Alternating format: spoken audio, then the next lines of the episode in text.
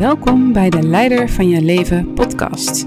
Mijn naam is Maartje Roeterdink, psycholoog, coach en ondernemer. In deze podcast deel ik persoonlijke verhalen en interviews om vrouwen te versterken en te inspireren. We kijken hoe je angsten kunt overwinnen, groter kunt groeien en kunt leven vanuit je hart. Veel luisterplezier!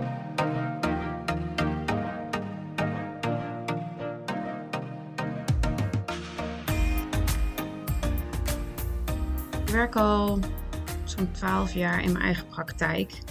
En wat ik heel vaak hoor van cliënten die bij mij komen, is dan ga ik vragen naar wat wil je bereiken met de gesprekken of wat wil je bereiken in de, in de coaching of in de therapie. En dan zeggen mensen, nou ik heb zus en zo last van en ik wil er vanaf. En het is natuurlijk heel begrijpelijk, want iets waar je mee worstelt, daar wil je vanaf. Dus, en mensen willen dan heel graag veranderen. Dus nieuw gedrag. Hoe kan ik anders zijn? Hoe kan ik het anders doen? Ik wil niet meer zo zijn. En ik herken dat ook in mezelf. Ik heb echt uh, fases gehad in mijn leven dat ik dan wel zes zelfhulpboeken naast mijn bed had liggen. En dan niet meer weet, uh, wist welke ik moest lezen. Um, maar ik merkte ook dat dat me soms heel onrustig maakte. Dat ik dacht, oh, de hele tijd het gevoel dat ik, uh, dat ik moest veranderen. En ik herinner me nog heel goed een gesprek met mijn broer, dat is jaren geleden. We zaten op een terrasje en we hadden het over pleasen. En we kwamen er, nou, wisten allebei al van onszelf dat we nou, best wel was konden pleasen. mijn broer zei toen, ja, ik weet wel dat ik dat doe, maar uh, ja, ik vind dat eigenlijk ook niet zo erg. Voor mij was dat echt zo'n soort enorme eye-opener. Ik dacht, oh, maar jij vindt dus gewoon, je vindt het niet zo erg. Dus je hebt daar niet zo'n oordeel over naar jezelf. En dat bracht mij eigenlijk tot het bewustzijn dat ik altijd bezig was met anders moeten zijn, veranderen. En dat dat me eigenlijk ook heel veel energie kostte. En dat, daar wilde ik deze podcast van vandaag over, uh, over maken, over aanvaarden of veranderen. Want ik denk zeker dat er ja, dat het belangrijk is dat we bepaalde dingen kunnen veranderen. Maar de vraag is, ja, kan dat altijd? Maar ook, wat is de rol van aanvaarden daarin? Want ik geloof dat de kracht van aanvaarden echt heel belangrijk is. En ook heel erg helpt en ondersteunt om tot veranderingen te komen. Ik herinner me ook een situatie toen ik nog, uh, ooit nog in loondienst was. Uh, en ik weet eigenlijk al niet meer precies waar het over ging. Ik weet alleen dat ik ergens mee worstelde. Vermoedelijk iets met voor mezelf opkomen of zo. En, en dat mij dat niet lukte. En ik was mezelf echt ja, aan het straffen eigenlijk daarover. Van waarom kan ik dat nou niet? Ik zou dat anders moeten doen. Ik had dit of dit moeten doen. En op een gegeven moment kwam er een soort van helder inzicht. Ik kan dit dus nog niet. En dat is oké. En dat was zo'n enorme opluchting toen ik dat, toen dat zo bij me binnenkwam. Ik kan het nog niet en dat is oké. Die ruimte die toen ontstond, dat was echt bizar. Ik voelde, zo, voelde me zo kalm worden en rustig. En ja, er veranderde echt iets. Dat was zo maf, want ik, ik veranderde juist niks en daardoor veranderde er alles. En het is ook een voorbeeld dat ik in mijn praktijk heel vaak geef, omdat ik zie dat veel mensen worstelen met um, moeten veranderen en zichzelf daarmee druk opleggen. Of ook mij druk opleggen. Hè? Want soms voel ik ook de druk vanuit de ander van nou, hè, uh, het moet nou toch wel een keer gebeuren. En dan is het altijd onderzoeken van oké, maar wat gebeurt er dan in die persoon? En meestal zet de persoon zichzelf dan onder druk. En die druk voel ik dan ook. Hè? Maar dat maken we dan bewust. ik denk dat een heel belangrijk onderwerp is. Uh, zeker in, in coaching, in therapie, uh, denk ik dat er ook leren aanvaarden van gevoelens een enorme belangrijke sleutel is. Eigenlijk ook juist uh, tot verandering. Um, en het is denk ik ook liefdevoller naar jezelf, omdat er anders, tenminste wat ik zelf heel lang heb gehad is, en nog steeds wel eens heb, is dat gevoel, ik moet anders zijn dan ik ben. En, en dat geeft zo'n innerlijke onrust eigenlijk, zo'n innerlijke druk. Ehm, en het voelt zo liefdevol. Dat had ik toen in die ervaring op mijn uh, baan in loondienst. Het voelde zo liefdevol om tegen mezelf te zeggen: ik, ik kan dit nog niet en dat is oké. En ja, dat is me altijd uh, bijgebleven. En, en, ik denk ook dat het, uh, als ik naar mijzelf kijk, hè, ik heb altijd wel geworsteld met gevoelens van onzekerheid. Terwijl ik weet dat er op papier, ja, heb ik heel veel uh, goede dingen gedaan en, en kwaliteiten verzameld. Maar dat gevoel is niet iets wat je zomaar kunt wegvegen. En, en het is ook nog niet weg. En, en met regelmaat voel ik het. Alleen ik ga er wel anders mee om. Ik herinner me ook een moment hier in de praktijk. Dat er iemand op de gang zat te wachten. En in één voelde ik me heel onzeker worden. En mijn eerste neiging was: nee, maar ik mag niet onzeker zijn, want ik ben, uh, ik ben de coach of de therapeut, ik moet het weten. En daarna kwam weer die aanvaarding. Ik dacht: oh, oh ik ben dus onzeker en, en dat is oké. En weer kwam diezelfde kalmte over me heen. En, en oké, dus nou ja, sessie begint. Ik zit daar gewoon met alles wat er in mij is. Die onzekerheid mag er dan ook zijn. En dat dat geeft dan zoveel ruimte. En ik ben er zelf ook heel erg over na gaan denken van hoe zit dat nou eigenlijk? Met die, nou in dit geval, onzekerheid. Ehm, en ik zie het steeds meer alsof er soort van twee zelven zijn in mij. En niet dat ik schizofreen ben of zo, maar zo twee delen als het ware. En uh, er is een stuk onzekerheid. En dat is ook voelbaar. En dat wordt ook getriggerd. Maar er is ook een stuk dat dieper ligt, dat mm, van een heel andere orde is.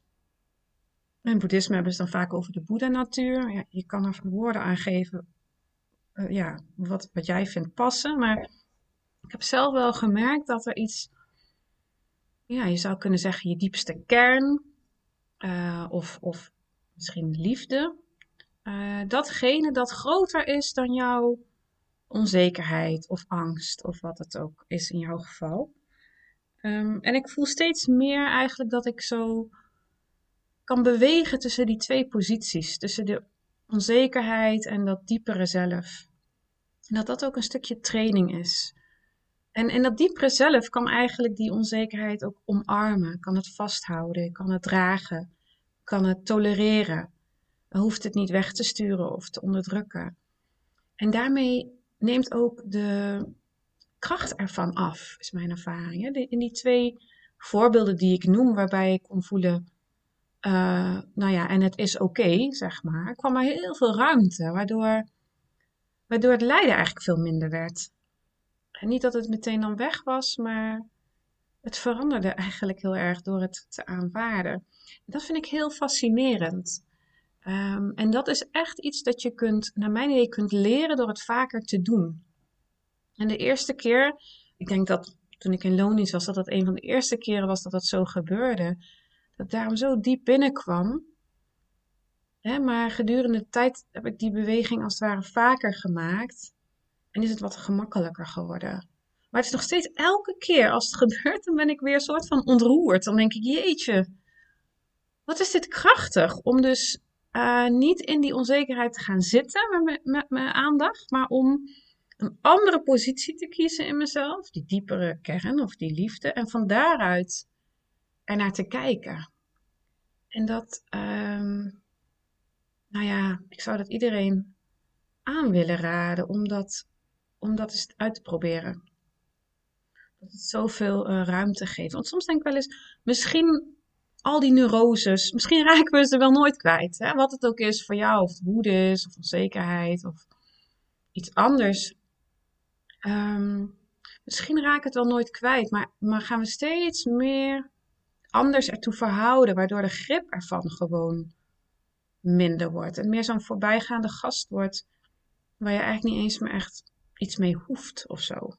Um, en dan hoef je ook niet alles tot in de diepte terug in je verleden te graven waar het vandaan komt. Ik dat heeft soms als een plek, maar het is ook soms gewoon een stukje loskoppelen. En ja, je ergens anders mee identificeren.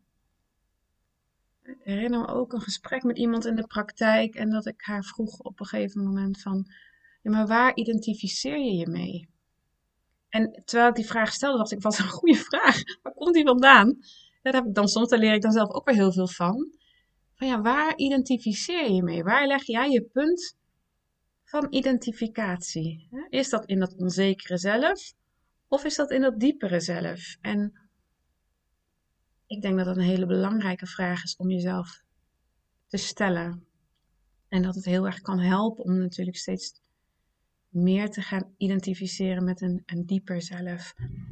Ehm, maar goed, dan moet je natuurlijk wel, denk ik, een ervaring hebben of opdoen met dat diepere zelf. En dat, voor mij is dat heel erg begonnen met, uh, denk met de Vipassana meditatie, toen ik rond de twintig was. Dat ik voor het eerst kon ervaren van, hé, hey, ik ben niet mijn gedachten. Dat je als een soort, als het ware, twee zelven krijgt. Namelijk dat bewuste zelf en het zelf dat vast komt te zitten in de gedachten en de gevoelens. En, en zo heb ik natuurlijk door de jaren heen heel veel ja, zelfontwikkeling gedaan, waardoor dat diepere zelf steeds meer verankerd is geraakt. En boeddhisme heb je ook zelfs hele specifieke beoefeningen, uh, visualisaties om daarmee in, in contact te komen. Wat heel erg ondersteunt natuurlijk om die, uh, om als het ware los te koppelen van die, um, nou ja, gevoelens waar we onder lijden. Ja, ik herinner me ook nog één moment, dat vond ik ook wel heel mooi om te delen. Dat is nog niet zo lang geleden. Toen was ik bij een, een fotoshoot. Het was wel grappig, met allemaal vrouwen. En uh, daar was ook een vrouw, die was duidelijk heel succesvol in wat zij deed. Uh, ze bereikte heel veel publiek. Uh, nou ja, arts, goed opgeleid, had hele uh, baanbrekende ideeën. En ik was met haar in gesprek en ik dacht, ik ging mezelf dus blijkbaar vergelijken. En ik werd onzeker. En dat vond ik eigenlijk ook wel erg, hè? dat als er dus zo'n hele krachtige vrouw is, dat ik daar dan onzeker van, van word. Maar goed, dat gebeurde. Hè? Dat, is mijn, dat was mijn probleem, zeg maar. En, en ik voelde me heel klein worden. En er ging zo'n hele keten van reacties aan. Uh, totdat ik het opmerkte en, en kon voelen, oh ja, het gebeurt weer. En weer terug kon naar dat diepere zelf. En op dat moment kon ik een visualisatie toepassen die dus in boeddhisme wordt gebruikt. En ik deed dat. En het was zo fijn. Ik dacht, nee, oké, ik ga me niet weer door mijn eigen verhaal laten beperken. Um, Weet je, en, en terug naar mijn kwaliteiten. Maar, ik merk dus in het vergelijken met anderen kan zo'n trigger zitten, zo'n um, neerhalen van jezelf. Maar het kan ook een ophalen van jezelf zijn natuurlijk. Hè? Ik bedoel, eh, niks menselijks is ons vreemd. We kunnen onszelf ook boven anderen plaatsen. Dat heb ik mezelf ook zien doen. Maar allebei die bewegingen zijn verwijderd van dat diepste contact met wie je werkelijk bent. En, en eigenlijk verlies je jezelf dan. De een voelt misschien oppervlakkig gezien iets prettiger jezelf groter maken. En de andere voelt naarder jezelf kleiner maken. Maar eigenlijk is het twee kanten van dezelfde medaille. En is het, mis je iets heel essentieels. want zodra ik die weer bij die diepere laag komt, kan ik ook, ook anders naar die vrouw kijken. En, en haar gewoon weer zien als, als mens. En, en waarderen voor wat ze kan. En ja, dat was eigenlijk een heel mooi, mooi moment. Dus ja, je zou eens misschien, ik zit dan altijd meteen te denken, wat, wat kan de luisteraar hiermee? Hè? Misschien kun je voor jezelf ook ontdekken van, hé, hey, wat is mijn het gevoel waar ik het meest mee worstel? En moet dat weg? Of mag dat er zijn? En als dat er mag zijn, dat hoop ik dan natuurlijk, dat je daarmee kunt gaan werken met het toestaan, het er laten zijn, het niet weg hoeven maken. Je ertoe leren verhouden vanuit een plek van liefde, zachtheid, uh, openheid.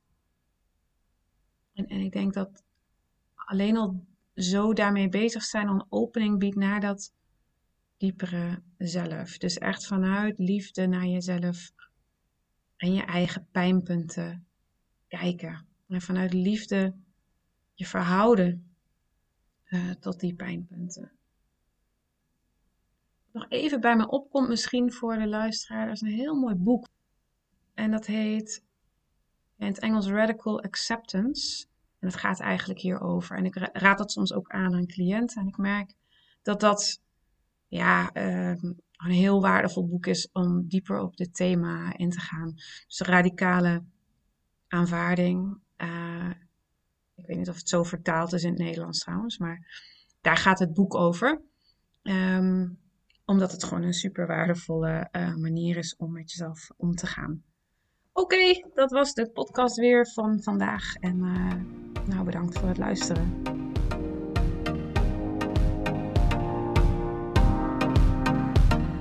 Heel erg bedankt voor het luisteren.